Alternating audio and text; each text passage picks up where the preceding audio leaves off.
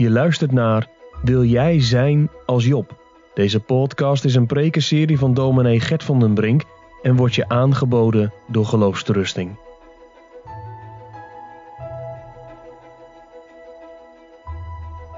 Wij gaan het woord van God openen en wij lezen Job hoofdstuk 38. Dat is een best wel lang hoofdstuk, 38 versen ook. En eigenlijk zou ik ook hoofdstuk 39 erbij moeten lezen.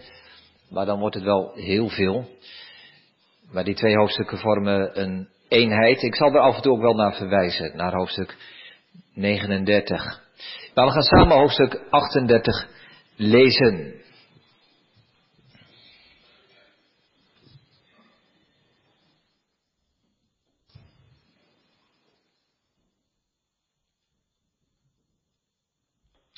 Job heeft gesproken, de drie vrienden hebben hun woord gesproken. Een nieuwe vriend, Elihu, heeft gesproken. Maar op dit moment doen ze alle er het zwijgen toe en dan gaat God spreken. Hoofdstuk 38 vanaf vers 1. Daarna antwoordde de Heere Job uit een onweer en zei, wie is hij die de raad verduistert met woorden zonder wetenschap? God nu als een man uw lendenen, zo zal ik u vragen. En onderricht mij, geef mij onderwijs. En dan komen de vragen. Waar was u toen ik de aarde gronde? Geef het te kennen, indien u kloek van verstand bent. Wie heeft haar maten gezet? Want ge weet het, of wie heeft over haar een richtsnoer getrokken? Waarop zijn er grondvesten neergezonken? Of wie heeft haar hoeksteen gelegd, toen de morgensterren tezamen vrolijk zongen en al de kinderen God, de engelen, juichten? Of wie heeft de zee met deuren toegesloten toen zij uitbrak en uit de baarmoeder voortkwam? Toen ik de wolk tot haar kleding stelde en de donkerheid tot haar windeldoek. Toen ik voor haar met mijn besluit de aarde doorbrak en zette grendel en deuren en zei, tot hiertoe zult gij komen en niet verder. En hier zal hij zich stellen tegen de hoogmoed van uw golven. Hebt gij van uw dagen de morgenstond geboden? Hebt gij de, dageraad zijn plaats gewezen, opdat hij de einde der aarde vatten zou en de goddelozen uit haar uitgeschud zouden worden? Dat zij veranderd zou worden gelijk zegelleem en zij gesteld worden als een kleed? En dat van de goddelozen hun licht geweerd worden en de hoge arm worden gebroken? Zijt gij gekomen tot aan de oorsprongen van de zee? Hebt gij in, de, in het onderste van de afgrond gewandeld? Zijn aan u de poorten van de dood ontdekt en hebt gij gezien de poorten van de schaduw des doods? Zijt gij met uw verstand gekomen tot aan de breedte van de aarde? Geef het te kennen, indien gij dit alles weet. Waar is de weg waar het licht woont? En de duisternis, waar is haar plaats? Dat gij dat brengen zou tot zijn palen, tot zijn grens. En dat gij merken zou de paden van zijn huis. Gij weet het, want gij waart toen geboren en uw dagen zijn vele in getal. Zijt gij gekomen tot de schatkamer van de sneeuw? Hebt gij de schatkamer van de hagel gezien? Die ik ophoud op berg tot aan de tijd van de benauwdheid, tot de dag van de strijd en van oorlog. Waar is de weg waar het licht verdeeld wordt en de oostenwind zich verstrooit op de aarde? Wie deelt voor de stortregen een waterloop uit en een weg voor het weerlicht van de donderen? Om te regenen op het land waar niemand is, op de woestijn waarin geen mens is? Om het woeste en het verwoeste te verzadigen en om het uitspruitsel van de grasscheutjes te doen groeien? Heeft de regen een vader of wie baart de druppelen van de dauw? Uit wiens buik komt het ijs voort en wie baart de rijm van de hemel? Als met een steen verbergen zich de wateren en het vlakke van de afgrond wordt omvat. Kunt gij de liefelijkheden van het zevengestern te binden of de strengen van de Orion losmaken? Kunt gij de Mazeroot voortbrengen op haar tijd en de wagen met zijn kinderen leiden?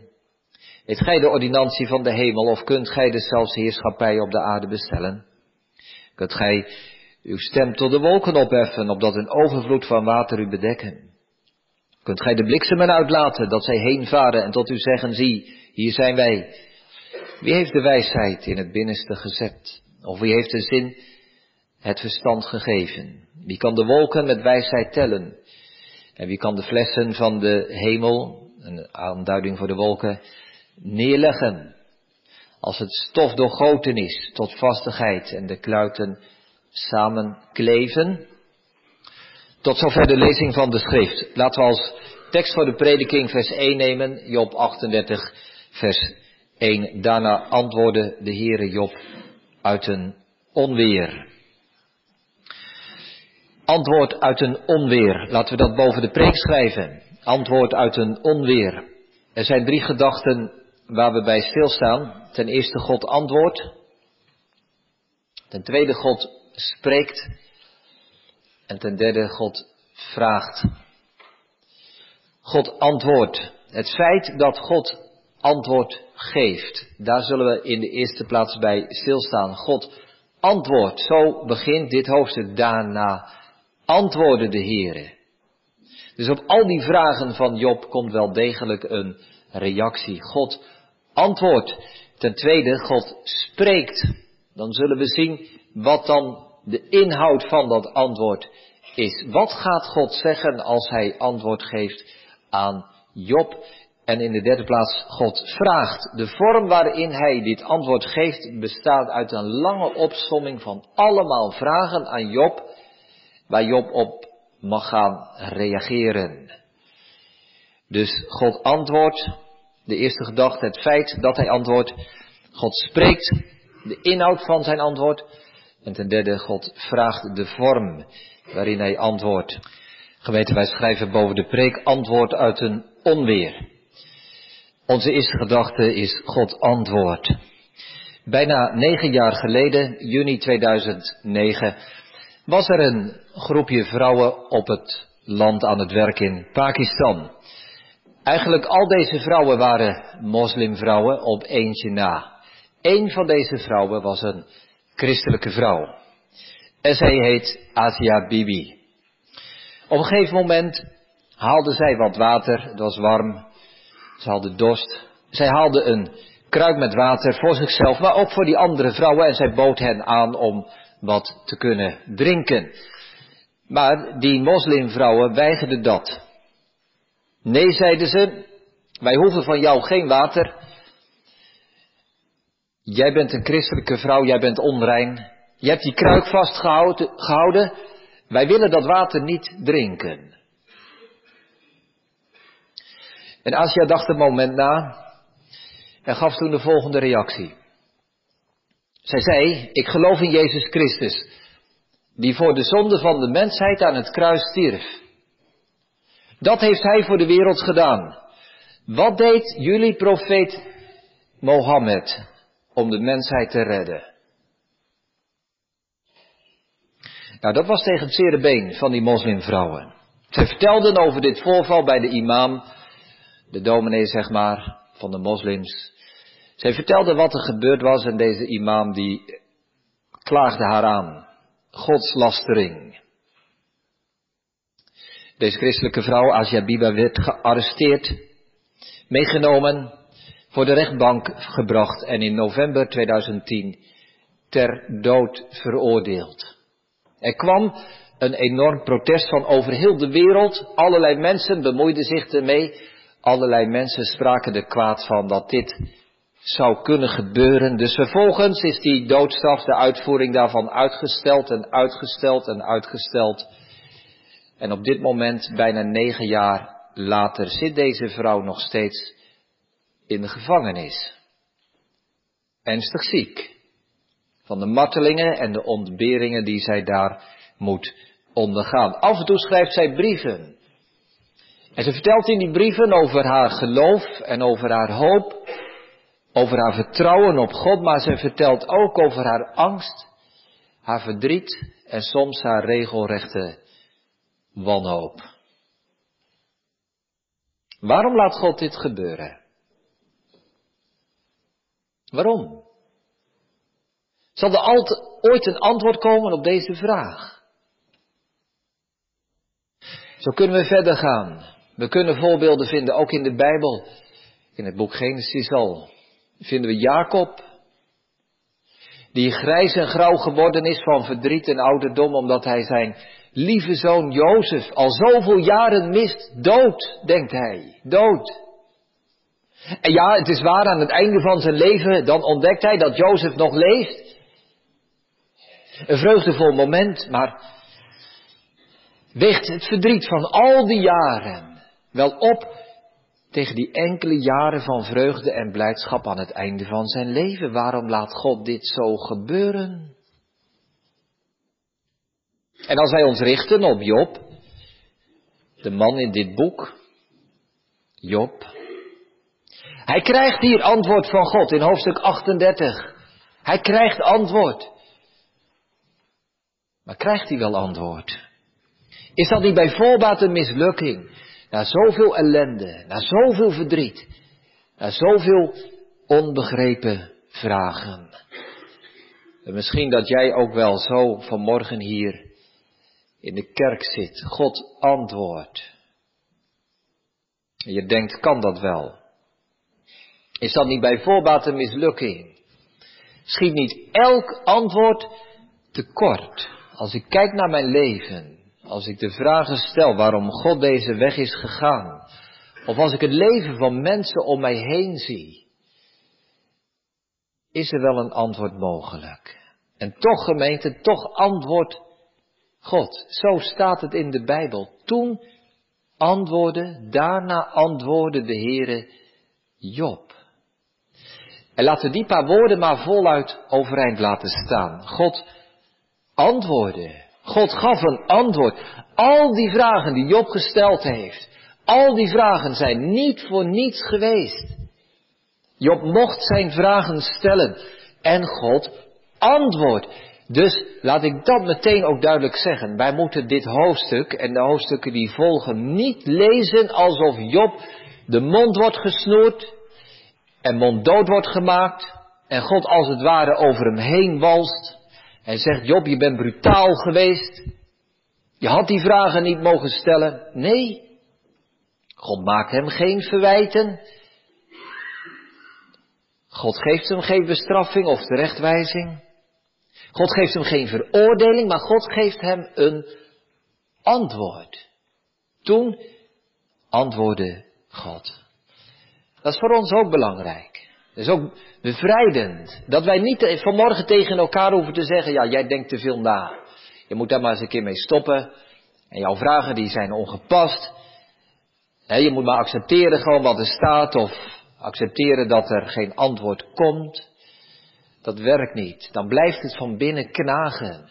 God antwoordt op zo'n manier dat die innerlijke spanning bij Job wordt weggenomen. Verderop kunnen we dat lezen in hoofdstuk 40 en hoofdstuk 42. Er komt een antwoord van niemand minder dan God zelf. Dus gemeente, als wij bij dit hoofdstuk aangekomen zijn, ja, dan kunnen we als het ware de ontknoping verwachten. Van die vragen en die, en, en die spanning die zich hoofdstuk na hoofdstuk heeft voortgezet in het leven van Job. Waarschijnlijk een maandenlange intense spanning geweest. Terwijl hij daar in de ellende zit op de ashoop. Al zijn vragen gesteld heeft. En nu wordt dat weggenomen. God spreekt vanuit een onweer. Vanuit een storm. Vanuit een wervelwind. Verschillende vertalingen die van dat woord mogelijk zijn. Om te laten zien dat God werkelijk spreekt. Indrukwekkend en overweldigend. Als Job zwijgt, als zijn vrienden zwijgen, als iedereen stil geworden is en het lijkt of er niets meer te zeggen valt, gaat God spreken. Tegelijkertijd, gemeente, zijn dit ook wel spannende hoofdstukken. Ik heb dat van de week in de voorbereiding ook wel zo ervaren. En ook wel hè, op dit moment dat ik hier sta en over dit hoofdstuk aan het preken ben. Kan ik antwoord geven op alle vragen? Zal het voldoende zijn voor ons allemaal? Vind dat voor mezelf ook wel spannend. Nou, wat ik in ieder geval zie, gemeente, is dat het heel wat hoofdstukken kost. En ik denk, als God het geeft, dat we nog wel één of twee keer over het vervolg kunnen gaan. Bij het vervolg kunnen stilstaan. Dan zien we ook wel, hè, dat Job in hoofdstuk 40 wel een reactie geeft, maar God daarna in hoofdstuk 40 en 41 nog een keer doorgaat. Dus Als je vandaag niet alle antwoorden krijgt, als er vandaag ook nog vragen overblijven, dat kan ook wel.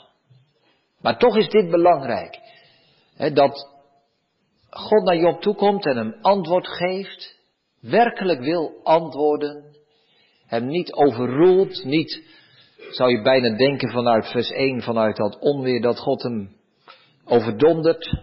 Nee, God geeft hem antwoord. En om dat te begrijpen, gemeente, om te zien wat die vraag van Job is, moeten we toch ook weer terug naar hoofdstuk 1 en 2. Wat was nu die vraag van de Satan waarmee hij bij God kwam? Wat was de grote vraag waarmee dit boek begonnen is? Is het om niet dat Job God dient? Heeft Job bijbedoelingen? Wil Job er wat mee verdienen? Wil Job iets voor elkaar krijgen bij God? En is dat de reden waarom hij rechtvaardig is en Godvrezende en wijkende van het kwaad? Wat voor zin heeft het om God te dienen als het geen voordeel oplevert? Op die vraag gaat een antwoord komen. Kinderen, voor jullie betekent dit dat je je vragen aan God stellen mag. Je mag je vragen bij God neerleggen. En God wil ook op jouw vragen een antwoord geven. Misschien niet meteen dezelfde dag, meestal niet, soms niet dezelfde week, soms moet je heel lang wachten. Maar je mag je vragen stellen en God geeft antwoord. We gaan naar onze tweede gedachte. God spreekt. Dan komt het lange antwoord van hoofdstuk 38 en 39. God gaat spreken. Wat is nu de inhoud van zijn antwoord? Gemeente, het is een, het is wel een heel opvallend antwoord. Een heel bijzonder verrassend hoofdstuk. Om te beginnen wel dit. Dat in dit hoofdstuk en het hoofdstuk daarna de mens niet genoemd wordt. Ja, een beetje zijdelings, af en toe even komt hij te sprake, maar het is niet het onderwerp. He, Job die had die vraag gesteld, waarom gaat u deze weg met mijn leven? En God gaat niet zeggen, Job, mijn antwoord is dat ik daar en daarom zo met mensen handel. Nee, God begint niet over de mens, hij begint over de schepping. Over natuurverschijnselen, hoofdstuk 38. Over dieren, hoofdstuk 39.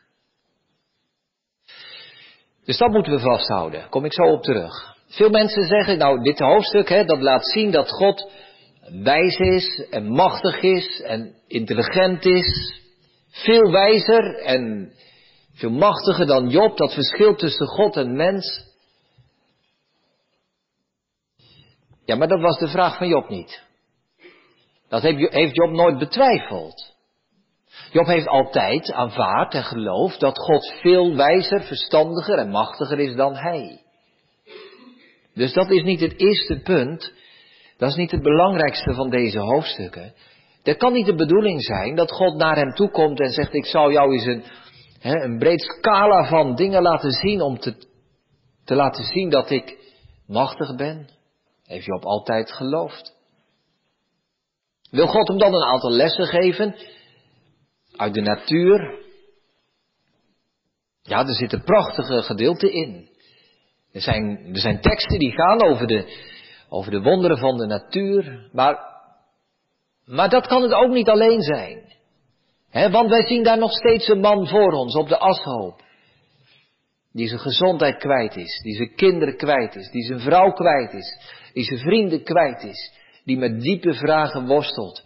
Kun je zo iemand troosten door, door over uh, ijs te beginnen en over vogels te beginnen en, en in hoofdstuk 39 nog een keer over een neushoorn te beginnen?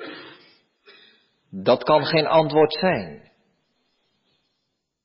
Nee, gemeente, we moeten die lijn vasthouden dat God hier gaat spreken over, juist over dingen in de natuur en in de dierenwereld die wij zouden zeggen, die losstaan van de mens. Waar de mens niet direct wat mee te maken heeft. Laten we zo een aantal versen uit deze hoofdstukken langs gaan. Ik pak er wat willekeurig uit. Vers 16, hoofdstuk 38, vers 16. Zijt gij gekomen tot aan de oorsprongen van de zee, hebt gij in het onderste van de afgrond gewandeld. God gaat spreken over de enorme hoeveelheid aan water in de zee, in de oceaan. En dan diep onderin de oorsprong. Job, jij bent daar nooit geweest. En wij kunnen de vraag stellen, wat heeft de mens aan dat water daar? Een rivier, een meer, dat is water wat belangrijk voor mensen is. Drinkwater. Maar die enorme hoeveelheid zout water diep in de zee, daar heeft de mens niets aan. Toch is het er. Vers 22. Zijt gij gekomen tot de schatkamer van de sneeuw? Hebt gij de schatkamer van de hagel gezien? Het gaat niet eenvoudig over regen. Regen, daar kunnen we van begrijpen dat het goed is voor de akkers, waar de mensen gewassen op verbouwd. Maar waarom is er zoiets als sneeuw? Waarom is er zoiets als hagel? Goede vraag die God aan Job stelt. Vers 29, in diezelfde lijn. Rijm, ijs, waarom is dat er eigenlijk? En als het dan toch over regen gaat in vers 26, om te regenen op het land waar niemand is, op de woestijn waarin geen mens is. Waarom valt er eigenlijk regen? Wat heeft de mens daaraan dat het regent in de woestijn? Wat heeft de mens eraan dat daar planten en bomen kunnen gaan groeien? En toch gebeurt het. Vers 31 en 32. Kent gij de lieflijkheden van het zevige sternte? Kunt u de strengen van de Orion losmaken? Kunt gij de Mazeroot voortbrengen op haar tijd? En de wagen met zijn kinderen leiden? Allemaal sterrenbeelden die je kunt zien fonkelen aan de hemel. Prachtig om te zien, maar veel licht levert het niet op. Wat heeft de mens uiteindelijk aan die sterren? Of een ander natuurverschijnsel, vers, 2, vers 25 en vers 35. Wie deelt voor de stortregen de waterloop uit en de weg voor het weerlicht van de donderen? Waarom is er eigenlijk bliksem, kinderen? Waarom hoor je eigenlijk het onweer? Heeft de mens daar wat aan? Kun je niet zomaar zeggen. Vers 35. Kunt gij Job de bliksemen uitlaten dat zij heen varen en tot u zeggen, zie hier zijn wij. Job, je ziet het gebeuren, maar je hebt er zelf geen enkele invloed op. Hoofdstuk 35 gaat over de dieren. Er komt een lange, prachtige uiteenzetting van allerlei soorten dieren maar het opvallende is, gemeente, dat de koeien, de schapen, de kippen niet genoemd worden. De huisdieren, de dieren waar je wat aan hebt als mens, waar je je voordeel mee kunt doen, worden hier niet genoemd. Het gaat over totaal andere dieren. Dieren waarvan wij zeggen dat ze onbruikbaar zijn voor de mens. De woudezel bijvoorbeeld, vers 8 en 10. Wie heeft de woudezel vrij heen gezonden? En wie heeft de banden van de wilde ezel gelost? Vers 10. Hij belacht het gewoel van de stad. Het menige leigetier van de drijvers hoort hij niet. Dat dier bestaat en trekt zich van mensen totaal niets aan. Vers 12. Zal de eenhoorn u willen dienen? Waarschijnlijk wordt daar een neushoorn mee bedoeld. Zal hij vernachten aan uw kribben? Zult gij de eenhoorn met zijn touw aan de voren binden, zal hij de laagte achter u eggen. Moet je je voorstellen, kinderen, dat je neushoorn hebt en die probeert over het land te laten lopen om daar te ploegen of te eggen. Dan gaat hij echt niet doen. Wat hebben wij mensen aan zo'n geweldig groot dier? Toch is die er. Toch bestaat hij. De struisvogel wordt genoemd in vers 16. De sperwer wordt genoemd in vers 29. Vliegt de sperwer door uw verstand, breidt hij zijn vleugelen uit naar het zuiden. Job, stuur jij die sperwer overal heen? De arend in vers 30. Is het naar uw bevel dat de arend zich omhoog verheft en dat hij zijn nest in de hoogte maakt? Enzovoort, enzovoort. Je kunt het hele hoofdstuk doorlezen en allerlei dieren tegenkomen. Een overvloed aan natuurverschijnselen in hoofdstuk 38 een overvloed aan dieren in hoofdstuk 39. Zonder, dat is het punt, zonder dat wij mensen het nut daarvan inzien. En toch zijn ze er. Kinderen, we kunnen dat nog verder uitbreiden. Er zijn mensen, de biologen, die zijn bezig om, om te onderzoeken hoeveel diersoorten er zijn. Dus niet eens hoeveel dieren er zijn, maar hoeveel diersoorten, hoeveel verschillende soorten dieren er zijn. Ja, ze weten het eigenlijk niet. Zoveel. Zo verschrikkelijk veel. Ze denken ongeveer 8 miljoen verschillende diersoorten. En daarvan zijn er, ja, ik moet er weer bij zeggen dat, dat de biologen het niet goed weten, maar, maar minstens 1 miljoen soorten kevers. En misschien wel 2 miljoen soorten kevers. Waarom zijn er zoveel soorten kevers? Niemand die het weet dan God alleen. God heeft het zo gemaakt. God vond het goed en mooi om het zo verschillend, zo divers, zo onderscheiden te maken. Misschien moet je straks thuis, kinderen, daar nog maar eens over doordenken. Het is een van de vragen die ook op de website is genoemd. Of jij voor jezelf verschillende diersoorten kent, die je misschien wel een beetje raar vindt, of heel groot vindt, of bijzonder vindt, zonder dat wij mensen daar meteen wat aan hebben. Een koe, hè, daar hebben we wat aan, melk, vlees enzovoort, of schapen of kippen. Maar er zijn zoveel dieren die er zijn, niet speciaal voor ons. En toch, en toch zijn ze er. Nou dat, dat is de inhoud van het antwoord. God zegt tegen Job, Job, kijk eens naar die schepping. Het overweldigt je. Het is een mysterie. Het is een geheim. Heel die schepping waar je dagelijks in leeft. Wij kunnen het niet doorgronden. Wij kunnen niet begrijpen waarom de schepping is zoals die is. We zien het, we nemen het waar, we kunnen de diersoorten tellen, we kunnen observeren hoe dieren leven. Maar waarom? We weten dat er oceanen zijn. We weten dat het regent in de woestijn. Maar waarom? Waarom? Waarom? Eindeloos veel vragen. Eigenlijk leven we in een hele geheimzinnige wereld. In een hele geheimzinnige wereld. Duizend en één vragen kunnen wij stellen. Waarom? Waarom? Waarom? We weten het niet. Zonder dat wij daar bang van worden. Dat is ook een deel van het antwoord. Wij zien die schepping, wij zien de grootheid. Wij zijn onder de indruk. Hoe meer je ervan weet, hoe meer je ervan tot je door laat. Je wordt ervan overweldigd, maar je wordt er niet bang van. Nee, je wordt er niet bang van. Het raakt je. Je bent verwonderd, maar niet bang. Nou, zo mogen wij om, om ons heen kijken. Zo kijken heel veel wetenschappers naar de wereld om zich heen.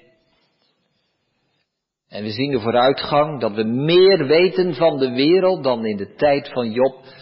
Maar laten we ons niet te veel verbeelden. De wetenschappers, de goede wetenschappers, die zeggen wij hopen dat wij ongeveer intussen 5% van de wereld, van de natuur, begrijpen, 5%.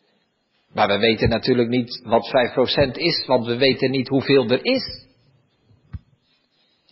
Wij denken ongeveer dat er 8 miljoen diersoorten zijn, maar we, we weten het niet. Want in de zeeën en de oceanen leven nog talloos veel dieren waar wij geen besef van hebben. Ja, wij kennen wel ongeveer de natuurwetten en wij weten hoe dieren leven, maar wij krijgen er geen vat op.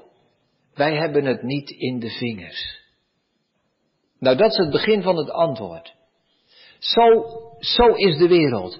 En dan zegt God, en nu gaan we dat hele antwoord optillen naar het niveau van goed en kwaad. Naar de moraal. Naar die vraag van het lijden.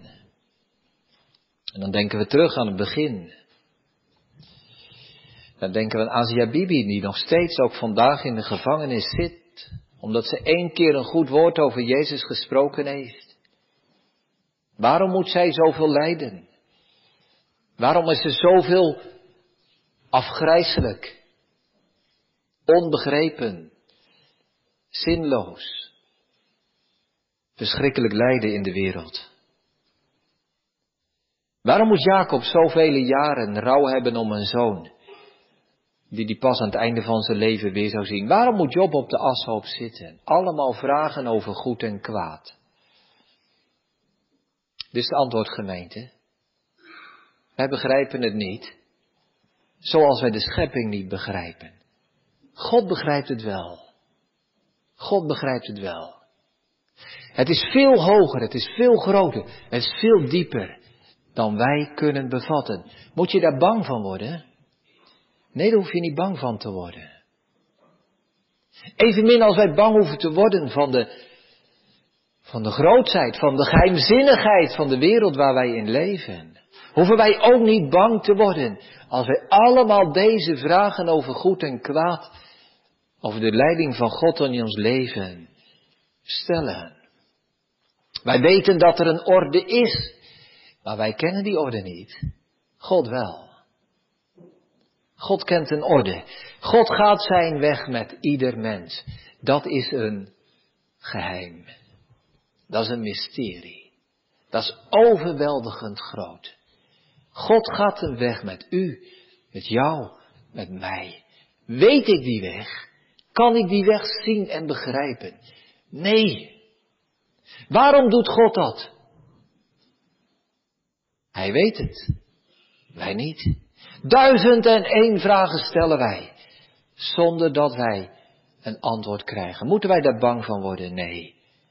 Dat mag ons brengen tot aanbidding. Zo gaan we naar onze derde gedachte. God vraagt. God antwoordt. Eerste gedachte. God spreekt. Tweede gedachte. God vraagt. Derde gedachte. Alles wat God hier vertelt, gemeente, doet hij in de vorm van vragen vragen aan Job. Zo begint vers 2. Wie is hij die de raad, het plan, het plan van God, verduistert met woorden zonder wetenschap? Job, je hebt heel veel woorden gesproken, maar waren het wel woorden met wetenschap? Waren het wel woorden met inzicht? Waren het woorden met kennis? God nu, vers 3, als een man uw lendenen. Ga eens rechtop staan, Job, zegt hij. Dan zal ik u vragen. En onderricht mij. Geef mij eens antwoorden op de vragen die ik nu ga stellen. En het is de bedoeling van hoofdstuk 38 en 39 dat Job antwoord geeft. Want Job heeft heel dit Bijbelboek gezegd, Heere God, ik wil wel eens met u in gesprek. Ik wil wel eens een dialoog met u. Ik wil wel eens een rechtszaak met u. Ik zou u wel eens een aantal dingen voor willen leggen. Goed, zegt God. Job, kom maar, ga maar staan. Wij zullen een gesprek voeren. Ik heb zo ook mijn vragen en ik wil graag een antwoord van jou ontvangen. Geef eens antwoord, Job. Hier komen de vragen. Waar was jij? Vers 4. Waar was jij toen ik de aarde gronde? toen het alles begonnen is. Geef het te kennen. Als je echt een groot verstand hebt, kloek van verstand zijt. Vers 22, nog een keer, zijt gij gekomen tot de schatkamer van de sneeuw? Hebt gij de schatkamer van de hagel gezien? Geef eens antwoordje op. Weet jij hoe de natuurprocessen van hagel en sneeuw, van ijs en water gaan? Vers 35, kun jij de bliksemschichten sturen? Luisteren ze naar jouw stem? En zoveel vragen meer. Job, zeg het maar, je mag antwoord geven. Je moet antwoord geven, je wilde toch een gesprek. Er komt geen antwoord van Job. In hoofdstuk 40 zwijgt hij. Deze vragen worden ons ook gesteld. Geef maar antwoord. Wij kunnen ook geen antwoord geven. Wij begrijpen de wereld niet waarin wij leven en toch leven wij daarin. Wij zien de dieren. We kunnen ze beschrijven, maar wij weten niet waarom ze er zijn. We leven in een geheimzinnige, mysterieuze wereld die ons overweldigt. Maar we hebben geen antwoord op de vraag waarom. En God stelt die vragen ook aan ons vanmorgen gemeente. Niet om ons, hè, nog een keer, niet om ons mond dood te maken en zeggen monden dicht. Maar hij wil ons brengen tot ontzag. Tot misschien wel verbijstering. Tot verwondering, tot aanbidding. Dat God een plan heeft met heel deze wereld. Dat God een plan heeft, zelfs met goed en met kwaad. God wil ons toebrengen dat er een orde is. Ook op dat niveau van goed en kwaad. Een orde die wij niet zien en niet begrijpen, maar God wel. God wel. Ja, zegt iemand, dat is allemaal vrome praat. Dat is een uitvlucht van mensen die nog in God willen geloven. Ik geloof er helemaal niets van. Nou zegt God, kijk dan maar eens naar de schepping. Mijn schepping. Daar zie je dezelfde grootheid. Daar zie je wie ik ben. Daar is een orde in die verder gaat en hoger is dan jullie mensen begrijpen. Nou, daar wil God ons brengen, gemeente. Dat wij ons leven leiden. En alles wat ons overkomt, ook op het niveau van goed en kwaad. Van tegenslag, van verdriet, van voorspoed, van blijdschap, van ziekte, van vragen. God zegt er is een orde. Er is een plan. Veel dieper, veel groter, veel rijker dan jij kunt begrijpen. Ja, zegt iemand, maar ik word daar toch wel bang van. Ik word daar boos over. Ik word opstandig. Als ik de weg van God met mijn leven niet begrijp, als er zoveel vragen zijn waar ik geen antwoord op krijg, ik kan daar niet verwonderd over zijn. Ik kan daar God niet over aanbidden. Ik heb vragen. Denk dan eens aan het kruis van Christus. Denk dan eens aan dat kruis waar Asia Bibi over sprak. Wat God gedaan heeft voor deze wereld. Daar zien we in, toch wel gemeente, daar zien we in wie deze God is. Een God van liefde. Zo lief heeft God de wereld gehad, dat Hij zijn enige geboren zoon gegeven heeft. Opdat het ieder die in Hem gelooft niet verloren gaat. Liefde voor Asia Bibi zien wij in het kruis van Christus. Liefde voor Jacob. Liefde voor Job. Liefde van God voor jou. Wij begrijpen de orde van God in deze wereld niet. Maar wij weten gemeente dat het de God van liefde is. En als we dat mogen zien, als we dat kruis van Christus mogen zien waar God de zonde en het kwaad voor goed overwonnen heeft. Als we dat kruis mogen zien, hè, dan, dan mogen wij ons overgeven aan dat plan. Aan die raad van God, wat Hij gaat met deze wereld. Dat plan van God dat Hij heeft met jouw leven en met mijn leven. Maar alles op Zijn goddelijke wijze een plaats in heeft. Veel groter, veel overweldigender, veel geheimzinniger dan wij kunnen peilen. Zo zijn we de preek begonnen. God antwoord. Wat is nu, wat is dan dat antwoord? Hoe kunnen we dat samenvatten, gemeente? Als God een antwoord geeft op onze vragen. God zegt tegen ons vanmorgen, ik heb een orde, ik heb een plan, ook met jouw leven. Ik, God, ken dat plan. En laat dat voor jou genoeg zijn. Ik, God, ik ken dat plan. Laat dat voor jou genoeg zijn. Laat dat voor jou genoeg zijn. Onze taak vanmorgen is niet gemeente om als God te zijn en dat plan te kennen. Onze taak vanmorgen is om als Job te zijn. Hoe was Job? Rechtvaardig, godvrezende en wijkende van het kwaad. Als erop aankomt is dat, ja zo eenvoudig kan het zijn hè. Is dat de opdracht die wij in deze wereld hebben? Rechtvaardig, godvrezend, wijkende van het kwaad. Dat vraagt God van ons. En de rest van de grote overweldigende vraag over, over het lijden in de wereld. Dat ligt bij God. Dat ligt bij God. Hij kent de orde. Hij belooft het je vandaag. Er is een orde. Er is een plan. Vertrouw mij maar. En wij dan, wat moeten wij doen? Rechtvaardig zijn, Godvrezend, wijken van het kwaad. Ook als het leven tegenzit, ook dan.